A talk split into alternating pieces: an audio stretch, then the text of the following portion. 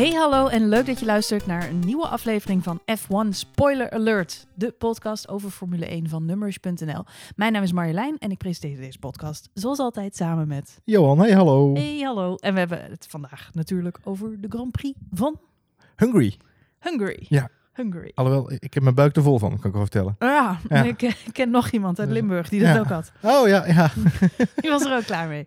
Goed, de Grand Prix van Hongarije 2018, daar gaan we het vandaag eh, over hebben. Ja, goed, het eerste waar we het misschien over moeten hebben is natuurlijk eh, de motor van Max Verstappen. Ja, Had Tom Dumoulin vandaag tijd om naar de race te kijken dan? Wat bedoel je? Oh, jij zegt iemand uit Limburg die het beu was. Ah, vergezocht. Moeten we het hebben, moeten we het hebben over de motor van Renault, ja? Nou ja, goed, dat is natuurlijk wel het meest opmerkelijke van deze race. Elk Z- geval voor de Nederlandse kijkers. zijn wij gecensureerd? Ja, we doen, we doen het vandaag zonder bliepjes, toch? We doen, we doen het zonder bliepjes. Oké. Dan neem ik eerst nog een slokje van mijn rode wijn die hier voor me staat, om een beetje tot rust te komen, want ik ben nog een beetje geïrriteerd.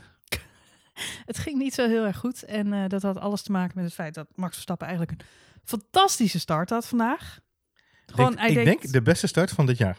Ja, hij deed gewoon precies wat hij moest doen. Eh, zevende plek eh starten. Vooruitkomen. Ja. en ja mensen inhalen, ja. Nou, mensen inhalen. En deed hij heel erg goed. Zoals het achteraf eh, omschreven werd. Sainz die had een dijk van de kwalificatie. Die startte namelijk vanaf plek 5. maar eigenlijk wisselde, wisselde hij gelijk stuivertje met Max Verstappen. Die goed buiten omkwam. En eigenlijk in een gat dook waar Sainz had in moeten duiken. Dat liet hij na. Dus Sainz viel plek naar, terug naar plek 7. Max naar plek 5. Ik ja, moet met name zeggen- omdat Sainz dus die deur open liet staan voor Max. Eh Ja. Robert Doorn moest dat mooi zien bij Ziggo. Die deur bleef openstaan. Ja. Max klopt daarin. En vervolgens kwam Gasly daar als een soort van tweede inbreker uit Home Alone. Kwam hij erachteraan. Zo van, nou, kom Ja. er even. Ik piep even mee door. En vervolgens was Sainz dus gewoon twee plekken kwijt. Ja, nee, en zo ging dat inderdaad. En dan zie je inderdaad dat iemand als Sainz toch een beetje geïntimideerd was. Misschien door de vier zilveren en rode auto's voor. Ja, misschien. Ja, misschien of misschien heeft hij het gewoon heel erg voorzichtig willen spelen. Ik bedoel, Sainz is natuurlijk ook een jongen die al twee seizoenen lang roept dat hij met Max Verstappen kan concurreren. En dat hij net zo goed is minimaal. En dat hij de, de beste wil zijn. Hij staat natuurlijk op het punt om eventueel volgend jaar ook naar Renault te gaan. Mhm, Eh, potentieel. Eh, daar moeten we zo nog even over hebben. mhm. Ehm, eh, dus ik denk dat hij heel graag wil laten zien wat hij kan. Ja. Ehm, ik denk, maar ik denk ook dat hij zoiets heeft gehad van laat ik niet in de eerste bocht gewoon gelijk afgetest worden. Nee. Dus laat ik gewoon, want hij, weet je, Vettel kneep me heel erg dicht. Kwam heel, heel erg hard van rechts. Dus ik zou me niet verbazen als hij heeft gedacht van doe even rustig aan. Ja, en dan zie ja, wat je eigenlijk ziet is dat de orde ook gewoon weer heel snel hersteld wordt. Hè? Mijn hemel, ja. Ja, en, eh, want later zien we het in wezen nog een keer. Want eh Ricciardo had natuurlijk een dramatische start. Ja. bleek achteraf dat hij ook weer werd aangetikt en eh, gewoon in de shit belandde. Ja. Startte vanaf plek 12, lag naar de eerste ronde plek 16. Klopt. Maar vecht zich uiteindelijk gewoon terug naar die plek waar Max tot op dat moment eh, min of meer lag. Ja. Dus met, eh, met dan, eh, soms kun je ook wel zeggen dat de sport heel saai en voorspelbaar is. Mhm. Dat je gewoon weet dat de Mercedes en de Ferraris voorin horen te zijn. Die Ja. Red Bulls die rijden eigenlijk al twee seizoenen echt in een niemandsland. Mhm. Want het hele achterveld haal- halen ze eigenlijk moeiteloos in. Dat zag je vandaag aan enerzijds aan Verstappen en anderzijds aan Ricciardo. Mhm. Ook als ze achteraan starten. Het maakt geen snaars uit. Er, wordt, er is nu sprake van dat ehm, Max Verstappen natuurlijk problemen heeft. Zijn, eh, motor is kapot gegaan in de, wat was het, vijfde ronde? Ja, ronde vijf, ja. Ja. Dus eh, ehm, hij moet onderdelen vervangen in zijn motor die hij al drie keer vervangen heeft. Dat betekent dat hij waarschijnlijk een grid penalty gaat krijgen in, eh, in Spa. Spa. Spa, ja. Maar ja, aan de andere kant, na vandaag denk ik, het maakt geen zak uit. Dan start die jongen twintigste. Het komt Max- toch weer het op maakt plek Max ook geen zak uit, kan ik je vertellen. Nee. Nee, het maakt Max het inderdaad ook geen zak uit. Helemaal gehad. Hij was bij Sky Sports nog even in beeld na afloop van de race. We hadden natuurlijk eerst het interview met Ziggo. eh, Ziggo Mhm. Sports, waar hij bij, J- bij Jack Ploy voor de camera verscheen. Daar was hij al iets wat... eh, eh, ja, goed, daar is hij altijd vrij eerlijk. Maar wel Nederlands eerlijk. Dus dat is wel oké op zich. Eh, ik vind het altijd wel grappig om te merken dat de internationale media... die Ziggo er wel bij pakt en dan nog uitvergroot. Eh, against Dutch media eh, eh, ging hij over de scheef. Hè? Dat wordt dan vaak een beetje mhm. Maar hij ging eigenlijk bij, bij eh, Sky Sports op dezelfde voet verder als waar hij bij Jack Ploy geëindigd was. Namelijk gewoon, hij had gewoon stik te balen van de motor. Eh, het argument van we betalen er vele miljoenen voor en het gaat gewoon stuk, is gewoon niet goed. Ehm, en hij gaf ook inderdaad aan, aan het einde van de race, gaven ze ook aan van, joh, maar luister, eh, of aan het eind van het interview, sorry, gaven ze ook aan van, joh, luister, maar dat betekent dus, als dit het probleem zijn, dat je waarschijnlijk meerdere penalties gaat krijgen in, op Spa. Op zei, I couldn't care less at this moment. I just want to go home and uh, forget about this race. Hij wilde gewoon weg. Hij was gewoon echt helemaal klaar mee. Ja, dat kan ik me goed voorstellen. Hij heeft een aantal natuurlijk goede races gehad in Europa met Oostenrijk als hoogtepunt waar hij gewonnen heeft. En dit was gewoon weer uh, nou ja, heel teleurstellend. En wat we wat hebben we daarna gezien? Ja, eigenlijk een hele dramatische, saaie race. Nou ja, um, aantal dingen die heel erg opvallen. Maar wat ik leuk vind om er even op terug te komen is, uh, want ik wil nog heel even over de motor van mm Renault, uh, laat het daar nog heel even over hebben. Mm -hmm. uh, dan kunnen we het nou gewoon afsluiten en hoeven we er niet meer over na te denken. kunnen we die fles rode wijn opmaken en kan ik gewoon huilend in slaap vallen vanavond. nee, ja, luister, het, het, um, wat opvalt is, uh, ook op, op, in de media en de pers, maar ook in reacties en mensen op, op sociale media vragen zich af, hoe kan het nou zo zijn dat Red Bull de afgelopen weken, ik weet niet hoeveel DNF's heeft op die motor, do, do not finish, ja. of dit not finish, um, op, op die motor, terwijl McLaren relatief minder problemen heeft. Mm -hmm. um, er zijn ook nog mensen die klagen over Toro Rosso en het feit dat de Honda motor daar, dat met name Brandon Hartley al regelmatig wat onderdelen heeft moeten vervangen. Ik geloof dat hij intussen al aan zijn zesde power unit bezig is bij, bij Honda. Mm -hmm. um, uh, dus er zijn heel veel onduidelijkheden over die keus voor Honda.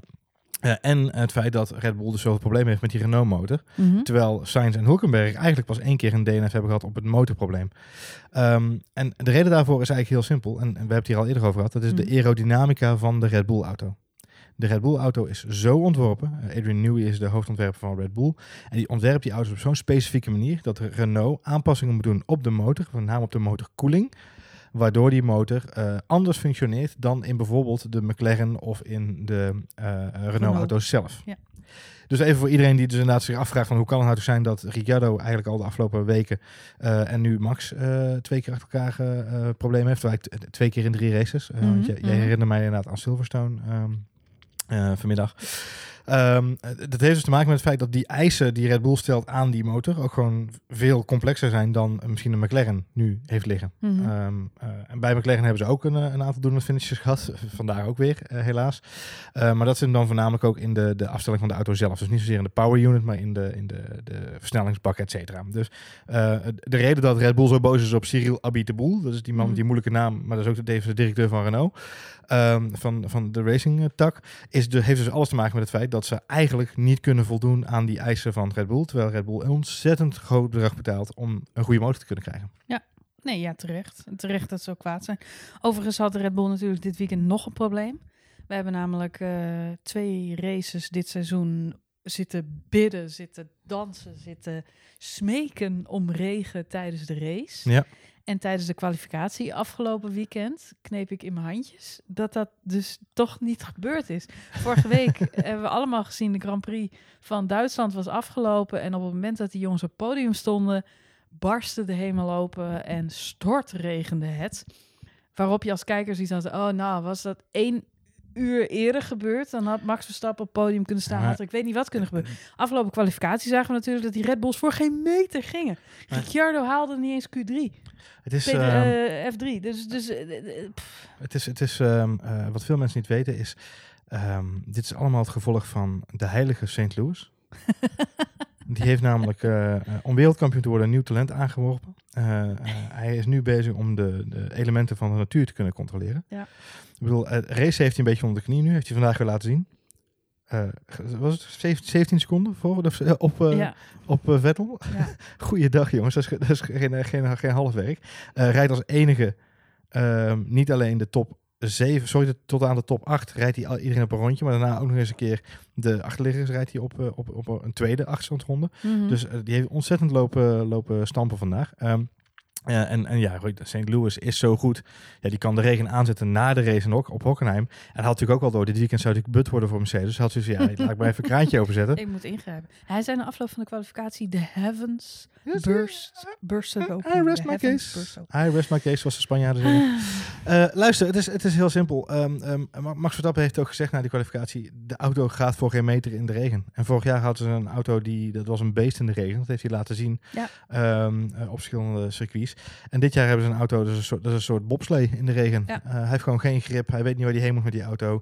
Je ziet hem dus ook in die, in die kwalificatie eigenlijk de veiligere lijnen rijden. Terwijl die, Mhm. mm -hmm. uh, zeker de, de, ja, de, de, de, de fantastische um, races in China en in vooral Brazilië natuurlijk, buiten alle lijnen ging rijden. Mm -hmm. Daar reed hij op plekken waar niemand, daar had, daar had niet eens een, een, een ijsveegwagen willen rijden. Daar ging Max Stappen rijden.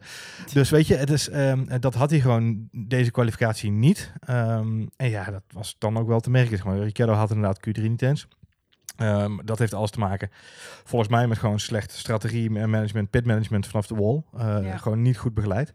Ehm, geeft ook wel een beetje aan hoe het team er in dit weekend in zat. Ik, twit, ik twitterde na afloop van de kwalificatie ook eh, dat volgens mij Christian Horner een flinke bak stevige zwarte koffie ging zetten voor iedereen. Want er zal nog wel strategie, strategie-sessies zijn geweest na afloop van die kwalificatie. Want er zat gewoon heel veel miscommunicatie in. Zeker bij het team van Ricciardo, Ja. die gewoon niet goed gemanaged werd.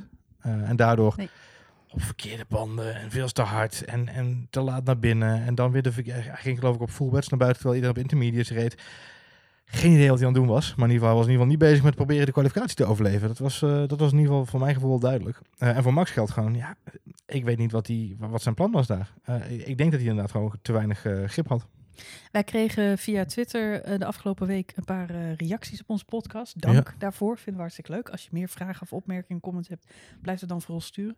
Eh een van de mensen die reageerde was Meike, vaste luisteraar van de podcast. En zij zei, zou het niet kunnen dat Red Bull op dit moment al bezig is met het ontwikkelen van het nieuwe chassis, chassis gebaseerd op de Honda-motor? En zou het zelfs denkbaar zijn dat ze nog dit jaar al met de Honda-motor gaan racen? Nee. Gebeuren? saai hè, dat ik dat zie je niet gebeuren. Heel saai. Nou ja, het is heel simpel. Het zijn volgens mij drie. eh, eh, ik noemde. Ik, ik- eh, in mijn optiek zijn er drie mogelijke blokken waar we tegenaan lopen. Mhm. Eén is reglementair. Ik weet niet of je van motorleverancier mag wisselen gedurende het seizoen. Eh, volgens eh, de- dezelfde Maaike die eh, ook actief is op verschillende fora gaf aan van dat volgens de, mensen, de vaste fans, die hebben het uitgezocht, zou het wel mogelijk kunnen zijn. Ik heb het zelf niet kunnen doen, dus liegen zij, lieg ik in permissie. En anderzijds, ik zou ook niet weten waarom het niet zou mogen. Twee is contractueel. Er is gewoon een contract voor zoveel races eh, dat je met die auto eh, of met die motor moet rijden. Eh, ze zijn gewoon verplicht om die motor uit te dienen tot het einde van het seizoen. Want ze, daar hebben ze ook voor betaald onderaan de streep. Ze zullen er wel onderuit kunnen komen. Maar ik vermoed dat er aan de legal kanten van beide fabrieken is nagedacht over allerlei escape clausules die dan een heleboel centjes kosten. En als laatste, en dat is wel heel erg belangrijk, is het is niet een kwestie van even de motor eruit halen en een nieuwe motor erin zetten. Eh, je moet inderdaad daadwerkelijk een apart chassis, chassis ontwikkelen. En, en Honda moet ook dan een motor ontwikkelen die, want we hebben het net al even gehad over de, de problemen die Renault heeft met de aerodynamica van Red Bull. Mhm. Datzelfde geldt dus nu ook voor ehm, eh, eh, de aerodynamica van, van de huidige RB14 ten opzichte van de Toro Rosso. Want dan zou je kunnen zeggen, ze zouden de motor uit de Toro Rosso kunnen pakken. De, het team van Toro Rosso, het, het juniorenteam of talententeam van Red Bull, rijdt al met die Honda motor. Mhm. Dus je zou kunnen zeggen, vanaf het moment dat ze dat wisten, hadden ze al een chassis kunnen ontwikkelen. Dat zijn best wel heftige kosten. Dus ik kan me eigenlijk niet voorstellen dat ze bij Red Bull dat risico hebben genomen. Mhm. Eh, en dat ze het risico gaan nemen dat ze voor een heleboel geld en een heleboel eh, risico op nog meer gezichtsverlies gaan, gaan rijden in een, in een andere setting. Nee, ik, ik kan het me eerlijk gezegd ook niet eh, voorstellen. Wat ik me wel kan voorstellen, en dat heb ik ook eh, op Twitter gezegd, is dat ehm, ze bij Red Bull, omdat ze op dit moment inderdaad eigenlijk al zeker zijn van die derde plek in het kampioenschap. Dus er is eigenlijk niet zoveel meer te winnen of te verliezen dit seizoen. Tuurlijk hopen de coureurs op nog een aantal individuele successen, maar wereldtitels hebben eh, Ricciardo en Verstappen waarschijnlijk al uit hun hoofd gezet. Is denk ik ook niet meer haalbaar, theoretisch bezien. Nee, nee. Uh, Bottas overigens niet. Daar gaan we het zo nog even over hebben. Die denkt nog steeds dat hij meedoet voor de prijzen. Um, maar goed, uh, wat wel zou kunnen is dat Red Bull op dit moment uh, zijn resources al voor een groot deel aan het inzetten is op 2019. En Ja. dat is niks meer dan wijsheid. We lazen eerder deze week berichten dat dat bij McLaren op dit moment ook zo zou zijn. Mm -hmm. Dat is geen overbodige luxe, want de McLaren rijdt natuurlijk voor geen meter dit seizoen. Nee. Uh, er was sprake van dat 80% van de resources bij McLaren op dit moment al bezig is met de nieuwe auto. Ja. Nou, iets, zelf, iets soortgelijks zou bij Red Bull ook al aan de gang kunnen zijn. Ze zullen uiteraard in Japan zitten, met, met Honda al aan het schakelen zijn. Chassis zullen al getekend zijn. Um, dus dit is zeker wel een proces wat op dit moment in gang is. Komt, komt overigens uit de mond van Fernando Alonso, die na de Grand Prix van Duitsland nog gewoon bij Ferrari naar binnen is gelopen en heeft gezegd: ja. Jongens, zal ik volgens of jullie komen rijden? Ik kom gratis rijden. Dat vond ik wel een van de mooiste stunts van deze week. maar goed, even terug naar Red Bull. Um, de, de, tweet, de betreffende discussie tussen jou, mij, Mijke en nog een aantal andere luisteraars. Ja. Uh, een aantal tweets ervan zijn wel geliked door Robert Doornbos. Ja. Dus zo crazy was de, deze theorie ook weer niet. Nee. Nee, ja, maar kijk, zelfs onze uh, beste en zeer gewaardeerde Ziggo-verslaggever, ex-Formule 1-coureur Robert Doornbos, daar... Uh, Ja. Nou ja, ik denk, ik, ik, denk ook niet dat het onhaalbare kaart is. In de zin van, het, in een, in een hele andere situatie zou het misschien wel zijn gebeurd. Alleen, Eh, dit is wel zo'n grote verandering waar we het over hebben. En, en dit gaat wel zoveel euro's kosten. wel Red Bull, hè? Ja, ja, maar weet je, het is, het- ja, eh, eh, moeilijk. Ah, het, zou- het is, het is een hoop tegen beter weten in. Het zou echt Het heel, zou wel mooi zijn. het zou een stunt zijn, laten we dat Het zou voorstellen. net zo mooi zijn als Fernando Alonso, die volgend jaar gratis bij Ferrari rijdt. Ja, dat een Kimi Räikkönen naar McLaren gaat. Nee. nou, ik zou, het, ik zou het hem gunnen inderdaad, als het niet ten koste van Kimi Räikkönen zou gaan. Want dan even nog een puntje maken. Maar volgens mij stond hij vandaag weer op het podium. Kimi Räikkönen staat weer op het podium. We hebben in de eh, column van Koen Vergeer, eh, Mhm. van, uh, de, op, na aanloop van, eh, van de Hungaroring race. Ja. Eh, Koen schrijft eh, bij ons natuurlijk dan eh, voor elke race mooie columns. Eh, Koen heeft, eh, eh, hij heeft aan mij data aangeleverd met de puntentellingen van Ja. dit seizoen. Eh, en daarin is heel goed te zien dat er eh, één coureur fantastisch stabiel functioneert. Dat is namelijk Kimi Räikkönen. nou, die man wil je in je team hebben. Eh, dat is eh, de perfecte wingman, zou ik zeggen. Ja. Ehm, Perfecte wingman, ja. Ah, ehm, nee, Kimi is gewoon ontzettend snel. En eh, eigenlijk al sinds eh, voor de triple header, nee, de, de avond van triple header, zeiden al tegen elkaar, waar is Kimi mee bezig? Want hij is op jacht naar iets. Hij is consistent. Hij is snel. Hij is niet saai om naar te kijken. Hij reed vandaag sneller dan Vettel op een hardere compound. Ik vind die man fantastisch. Ja. Het is de oudste coureur op de grid, maar ik vind dat hij fantastisch seizoen rijdt. Hij draait een heerlijk seizoen. Misschien absoluut. wel een van zijn beste seizoenen. Eh, overigens, Koen gaf in zijn column eh, ook wel een leuke eh, switch aan. Daar had ik helemaal niet over nagedacht. Maar hij zei inderdaad, joh, Haas leent nu al zoveel onderdelen van Ferrari. Mhm. Misschien is het tijd dat ze nog een Ferrari-onderdeel lenen in de vorm van Kimi Räikkönen. Want Grosjean, ehm, die zich vandaag al in ronde 4 indekte met jongens, mijn banden gaan heel slecht. Ik denk dat ik zo ga crashen. Ik dacht, nou, dat is in ieder geval, weet je, een glazen bol in zijn, in zijn car. Overigens is hij heel gebleven. Chapeau, Romain. Eh, Grosjean zou op de wip zitten bij Haas en dan zou Kimi daar kunnen komen zitten naast Magnussen. Nou, dat lijkt me helemaal een festijn, die twee bij elkaar. Zie ik ook niet zo snel gebeuren. Ik zie het niet gebeuren. Ik denk dat eh, Ferrari er heel goed aan doet om Kimi Räikkönen bij te tekenen. Mocht Kimi dat zelf ook willen. Ik vermoed van wel ergens. Ehm, Alonso, dat zie ik niet zo heel snel gebeuren. Want, Nee, eh, nee Alonso ja, staat met. Olaf Mol zei vandaag ook eh. in de, in de uitzending. Er ligt te veel geschiedenis inderdaad. Hij is daar met heel veel politiek drama weggegaan. En heeft de boel behoorlijk op stelte gezet toen hij daar eh, de deur uitliep uiteindelijk. Dus het is niet helemaal gek dat hij na vijf minuten weer klaar was met zijn speech. En dat hij eigenlijk zonder, zonder oordovend applaus of ik denk dat, wegliep. dat Vettel en Kimi er wel een biertje op gedronken hebben en heel hard gelachen. Nou ja, ik denk het wel. Ik heb Vettel, eh, Vettel zie ik daar wel aan. Dat hij gewoon heeft gezegd, Kimi, ga even een biertje in gast. Goed, eh, ja, de Ferraris en eh, de Mercedes'en. Die zaten vandaag wederom in de hoofdrol. En eh, ja, eigenlijk opnieuw niks dan lof voor Lewis Hamilton. Ja, het wordt een beetje... Het, het- Het, het- wordt saai. Het Lewis wordt is heel goed bezig. Hij, luistert gewoon heel erg goed naar deze podcast. Hij laat hem vertalen, transcriben door zijn personal assistant. En ik, ik vind het gewoon heel tof dat Lewis elke week weer ons wil bewijzen dat hij het wel degelijk kan. We zijn natuurlijk heel kritisch geweest op zijn gedrag en zijn maniertjes. Deze vandaag, geen boordradio's, geen diva-gedrag. Gewoon een kakstrakke race. Het is gewoon Heb je, is jou ook opgevallen dat zijn eh, sidekick eh, missing in action was?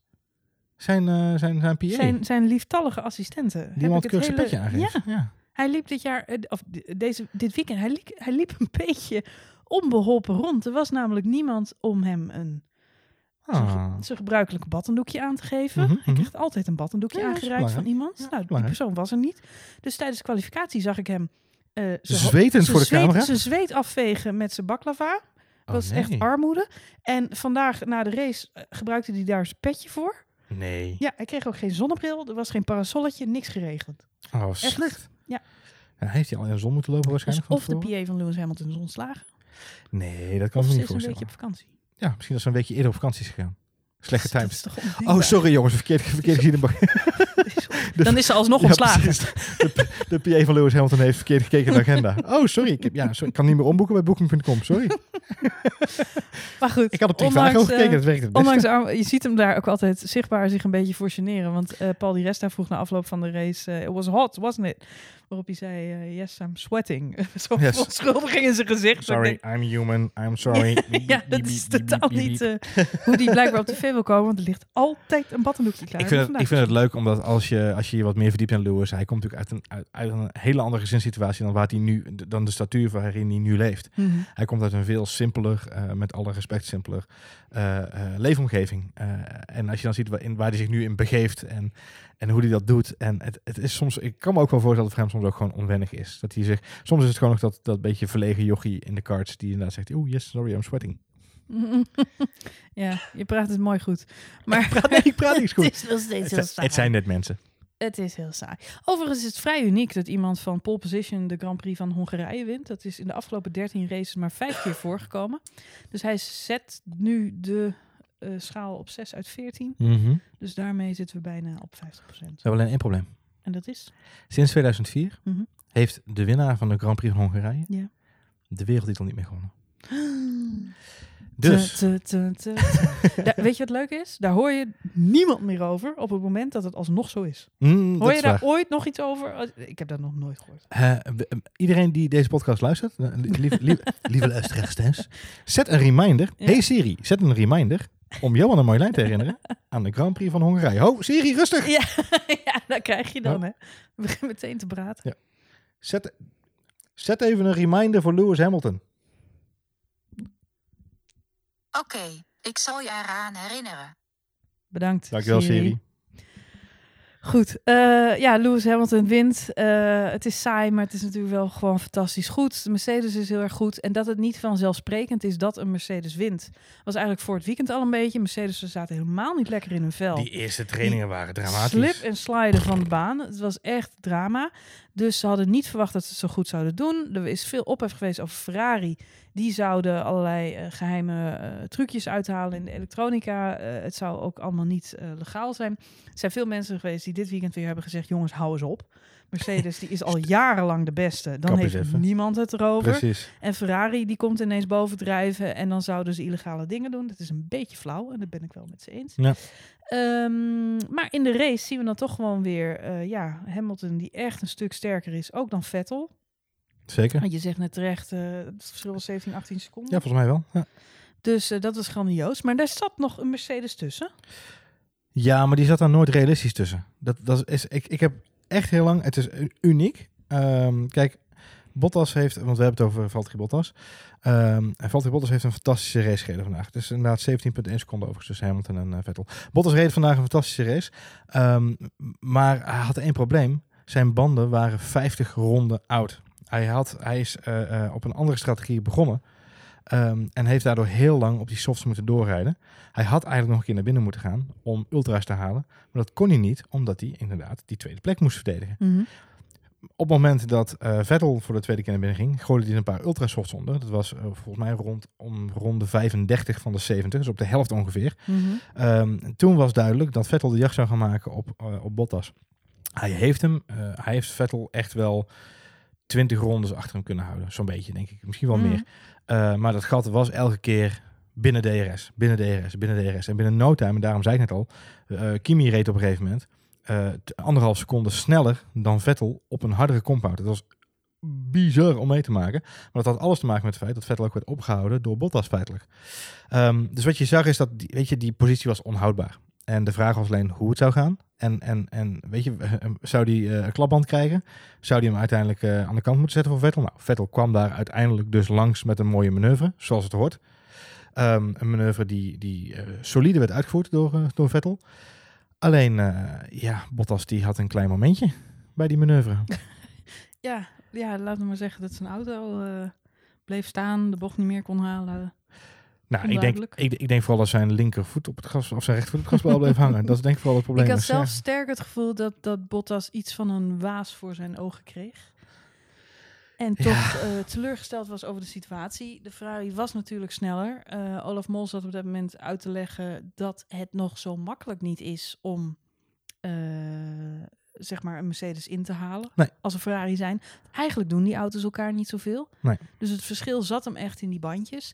Eh Sebastian Vettel had een totaal andere, of een, eigenlijk precies de tegenovergestelde pitstopstrategie Ja. van ehm, Lewis Hamilton. We hoorden in het begin van de race ook eh, dat ze dat communiceerden. Dat zei de Plan C. Plan C. Nou, ja. het was eh, echt het spiegelbeeld van Hamilton. Hamilton begon op eh, paarse banden en moest na 25 ronden pitten en ging toen naar de gele banden. Ja. Nou, Vettel had het precies andersom, gele banden zo lang mogelijk. En op het laatst had hij nog die paarse bandjes waarmee hij lekker snel was. Klopt. Dat gaf hem de kans om in elk geval inderdaad deze Bottas nog in te halen.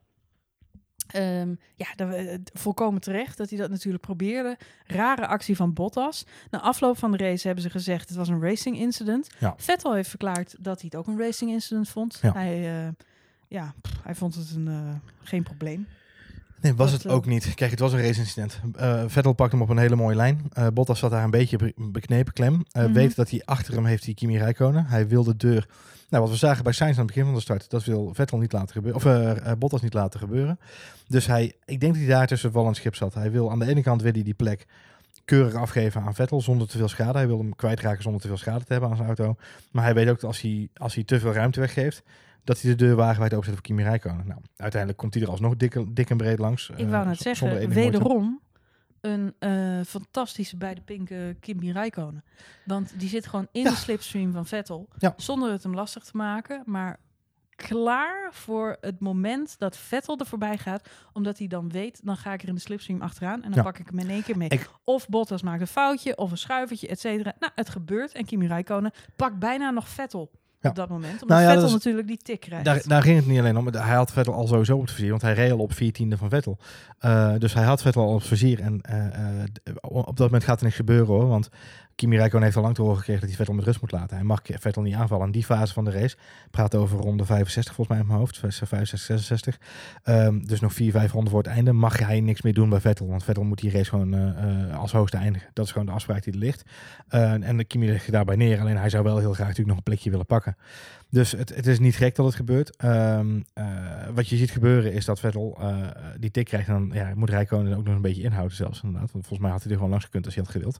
Dus dat is volgens mij wat er daar gebeurt. Jij hebt het over die waas van, van Bottas. Die zag ik pas ehm, een ronde later. Want eh, in alle uh, uh, scarfuffle die er optreedt, komt Daniel Ricciardo ineens als een mollo dichterbij. Ja, die rijdt vijf seconden dicht. Dat had alles te maken met de frontwing van Bottas, die natuurlijk aan gort lag. Nou ja, en dus de intussen 54 ronde oude banden van uh, Bottas. Ja. Uh, die reed op uh, 54 ronde oude softs. Met andere Ja. woorden, hij reed eigenlijk op een stel jute zakken bijna. Hmm. Um, Daniel Ricciardo was net daarvoor naar binnen gegaan. En ik, het leuke hiervan is, en jij zegt van we zagen vandaag een saaie race, maar ik, ik heb wel een aantal momenten dat ik gewoon zag van hoe kan dit nou verkeerd gaan? Dat ik gewoon zag van ja, Ricciardo had gewoon, Ricciardo werd geundercut door Rijkonen. Uh, dat klinkt heel erg Engels als ik nu uitspreek. Undercut door Rijkonen. um, um, uh, op dat moment uh, zit ik echt, ik zat te stuiten op het Hoe kun je dit dan laten gebeuren als Red Bull? Je laat hem gewoon, je geeft gewoon de plek weg nu. Want in principe had Ricciardo uh, 12 of 13 seconden voorsprong op Rijkonen. Had hij dat gat kunnen dichtrijden op ultras. Ja. Maar uh, Red Bull heeft heel lang gewacht met die, met die ultras wissel. Eigenlijk wat Vettel deed in ronde 35, deden ze Mhm. bij uh, uh, Red Bull pas in ronde 42 aan hoofd. 45 maakt even niet uit de exacte cijfers. Maar, maar wel veel later al. En toen was Rijkonen al naar binnen geweest. Ik zat echt te stuiten. Hoe kun je nou zo lang wachten met die wissel? Hoe kun je het nou doen? Ja. Nou, uiteindelijk, geluk bij een ongeluk, letterlijk en figuurlijk in dit geval, uh, is die situatie met Bottas daar. Heeft Ricardo dus relatief nieuwe banden. Ja. Nou, en die reed dat gat natuurlijk zo prima de luxe dicht. En Ricciardo was al vanaf uh, ronde 4, 5 eigenlijk, vanaf met dat die wist dat Max weg was, was hij als een malle allerlei mooie inhaalacties aan het doen. Want die heeft de ene naar de andere strakke inhaalactie gedaan. Uh, laat uitremmen. Hij had wat opstartproblemen, maar uiteindelijk was het een goede race van Daniel Ah, Ricciardo. ja, je, kunt, je, je kon er meer dan verdiende vierde plek. Je kon er de klok gelijk opzetten. Hij, uh, rechte, rechte stuk, laten uitremmen en er voorbij. De, binnen DRS, even later uitremmen, binnendoor langs of buitendoor langs, maakt niet uit. Solide. Solide. Nou, hetzelfde geldt voor Bottas. Die gaat hij ook gewoon proberen te pakken. En daar, op dat moment, zag ik een rode waas bij. Uh, een, een, rode waas, leuk, Red Bull. Mm -hmm. En voor de ogen van Bottas, omdat Bottas weet, ik heb een front wing probleem. Ik Mhm. heb geen, ik heb geen, uh, ik, ik glij, ik heb geen kracht. Maar hij verdedigde wel met hand en tand zijn positie. Nou ja, met hand, tand en, uh, en zijn boardboard. Want hij klapt Ja. gewoon vol. uh, aan, de, aan de zijkant klappen ze tegen elkaar aan. Ja. En ook voor hetzelfde geld duwt hij Ricardo gewoon uit de race. Hij kan dus door. Ricardo buitenom, gelukkig, want het gat met Gasly was volgens mij 30 seconden op dat moment al. Dus die kunnen gewoon door, uh, alle twee. Op dat moment krijgt hij over de radio te horen, geef de plek terug aan Ricardo. Ricardo was langs namelijk. Geef de plek terug aan Ricardo. En dan vraagt hij, waarom? Ja, dat is uh, opvallend. En dat is dus, dat, dan heb je dus, op dat moment heb je dus niet helder bij elkaar. Ja, want het verhaal gaat dan nog even verder na de race natuurlijk. Um, Bottas uh, ja, heeft twee aanvaringen met coureurs. Je kunt mij veel maken, maar als je twee keer een botsing hebt in drie rondjes, twee rondjes tijd. In twee ronden tijd, ja. Ja, ja dan. Uh, in dezelfde race, ja. Ja, dan is over het algemeen toch wel de schuld bij één iemand uh, te zoeken. Nou ja, van Vettel is hij vrijgepleit. Dat gebeurde al. Het schijnt dat Maldonado heeft gezegd: jongen, jongen, jongen, jongen. Het eh, van Vettel, van de crash met Vettel, of, of de aanrijding met Vettel, is hij vrijgepleit. Daar heeft hij geen straf voor gekregen. Na afloop is bekendgemaakt dat hij voor het incident met Ricciardo wel een straf krijgt. Hij heeft 10 seconden gekregen. Hij is 10 seconden teruggeplaatst in het Ja. klassement. En twee, eh, en twee strafpunten. En twee strafpunten op zijn licentie. Heeft dus verder geen gevolgen voor de volgende race. Maar het is En niet wel... voor de uitslag van vandaag. Nee. Nee, het is wel eh, heel spijtig. Toto Wolf heeft na afloop in een interview gezegd dat Bottas zich heeft gedragen als de perfecte wingman voor eh, Lewis Hamilton. Tot dat moment, ja. Dat is vervolgens bij Valtteri Bottas ook in het verkeerde keelgat geschoten. Want die stond vlak daarna in een interview en die kreeg dat te horen. En heeft in dat interview min of meer laten weten dat hij daar niet van gediend was. Ah, dat hij nog alle kans maakte op de wereldtitel. En dat hij Toto Wolf op het matje ging roepen om hem op deze opmerking aan te spreken. Ja. Werkt altijd goed als je je baas er tot orde roept. Dat, Goed. Ja. En eh, niet heel veel later heeft eh, Bottas dan ook weer gereageerd op social media. met, met een briefje, hè? een briefje op Met Twitter. een briefje op Twitter waarin hij zegt dat hij een beetje overtrokken heeft gereageerd in het desbetreffende interview. Dat hij het niet zo bedoeld had. Dat hij ook niet de grote bazen van Mercedes op het matje ging roepen. Ehm, speaking of which, weet je wie er dit weekend ook niet bij was? Niki Lauda, ook niet gezien. Nee, Er toch her en der wat mensen op vakantie bij Mercedes. ja, of is hij op vakantie met die PA? Toch hebben ze dun. Goed. Bottas heeft excuses aangeboden. Hij heeft niemand op het matje geroepen. Ehm, hij was geïrriteerd door de opmerking, maar dat had alles te maken met het teleurstellende eindresultaat van deze race. Want hij had er gewoon meer van verwacht en gehoopt. Wat wel een beetje bevestigt wat jij net zegt, dat hij een waas voor zijn ogen had.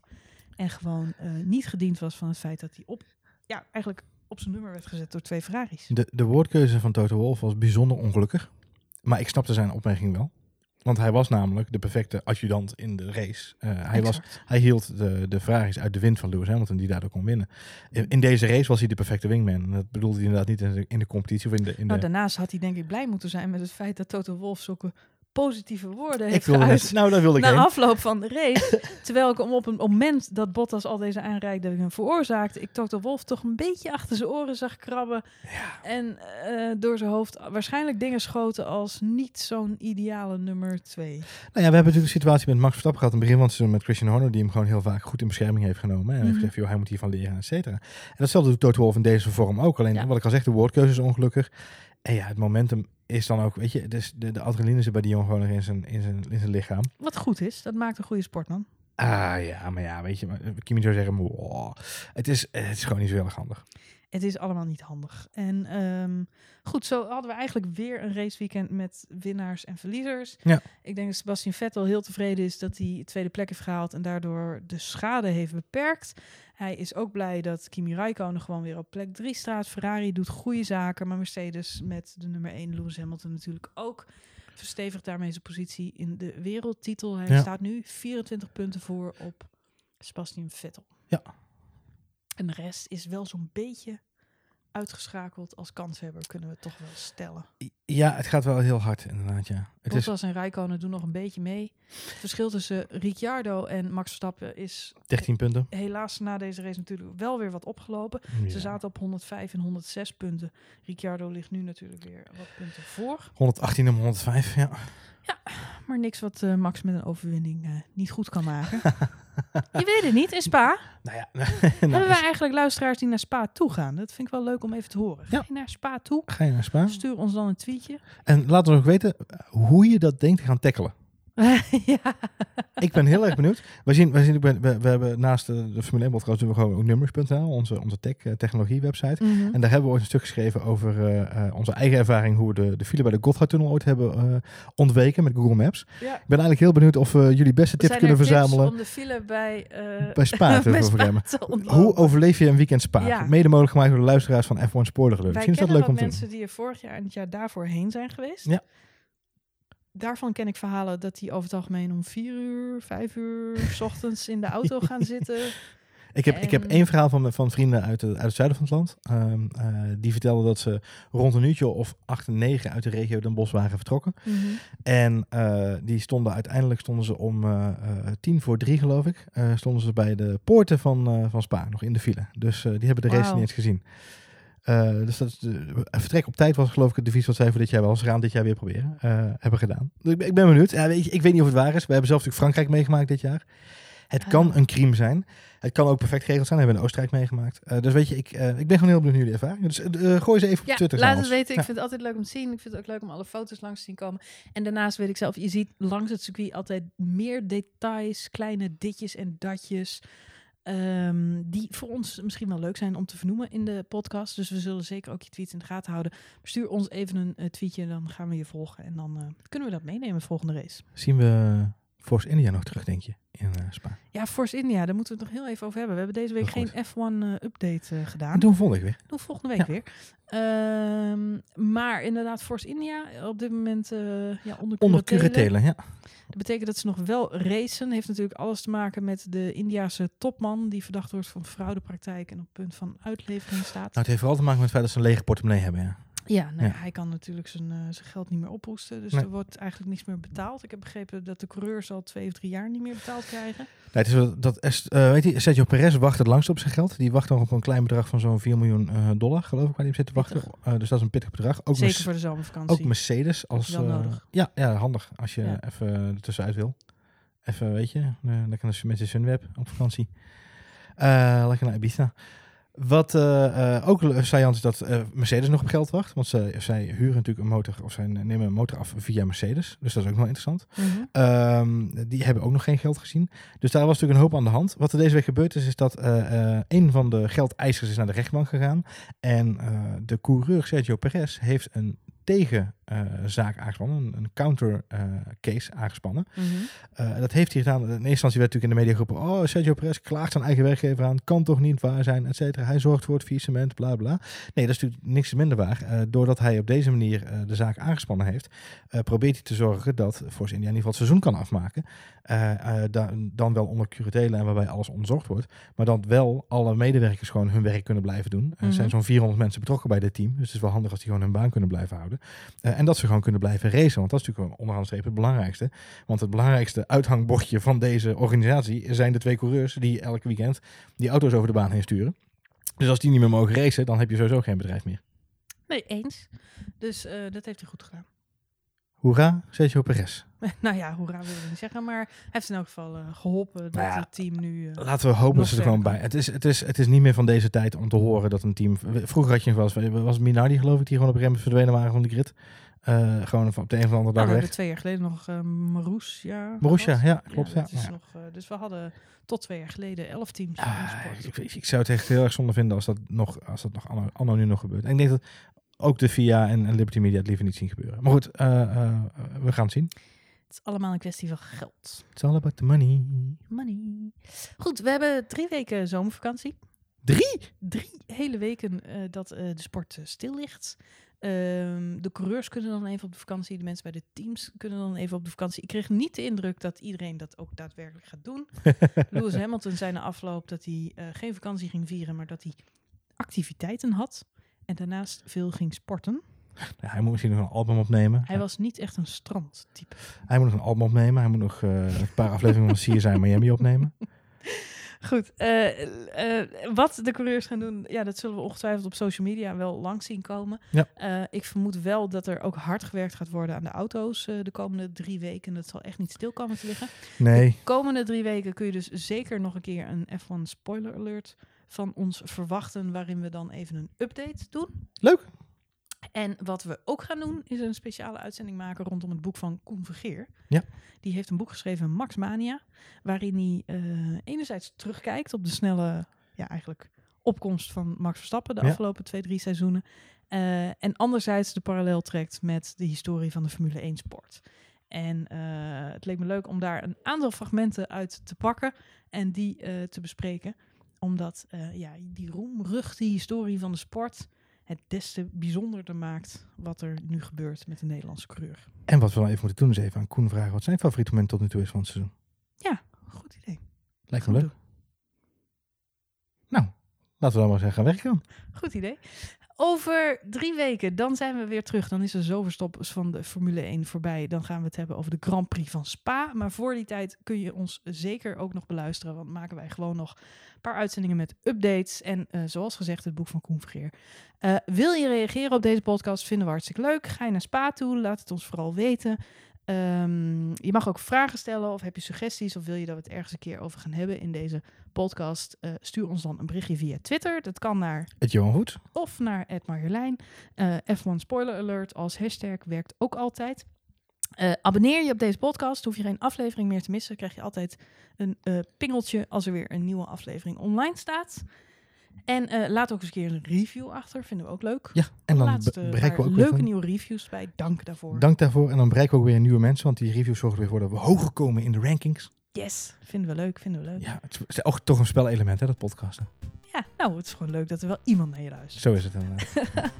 Goed, eh, dank voor het luisteren en heel graag tot de volgende aflevering van F1 Spoiler Alert.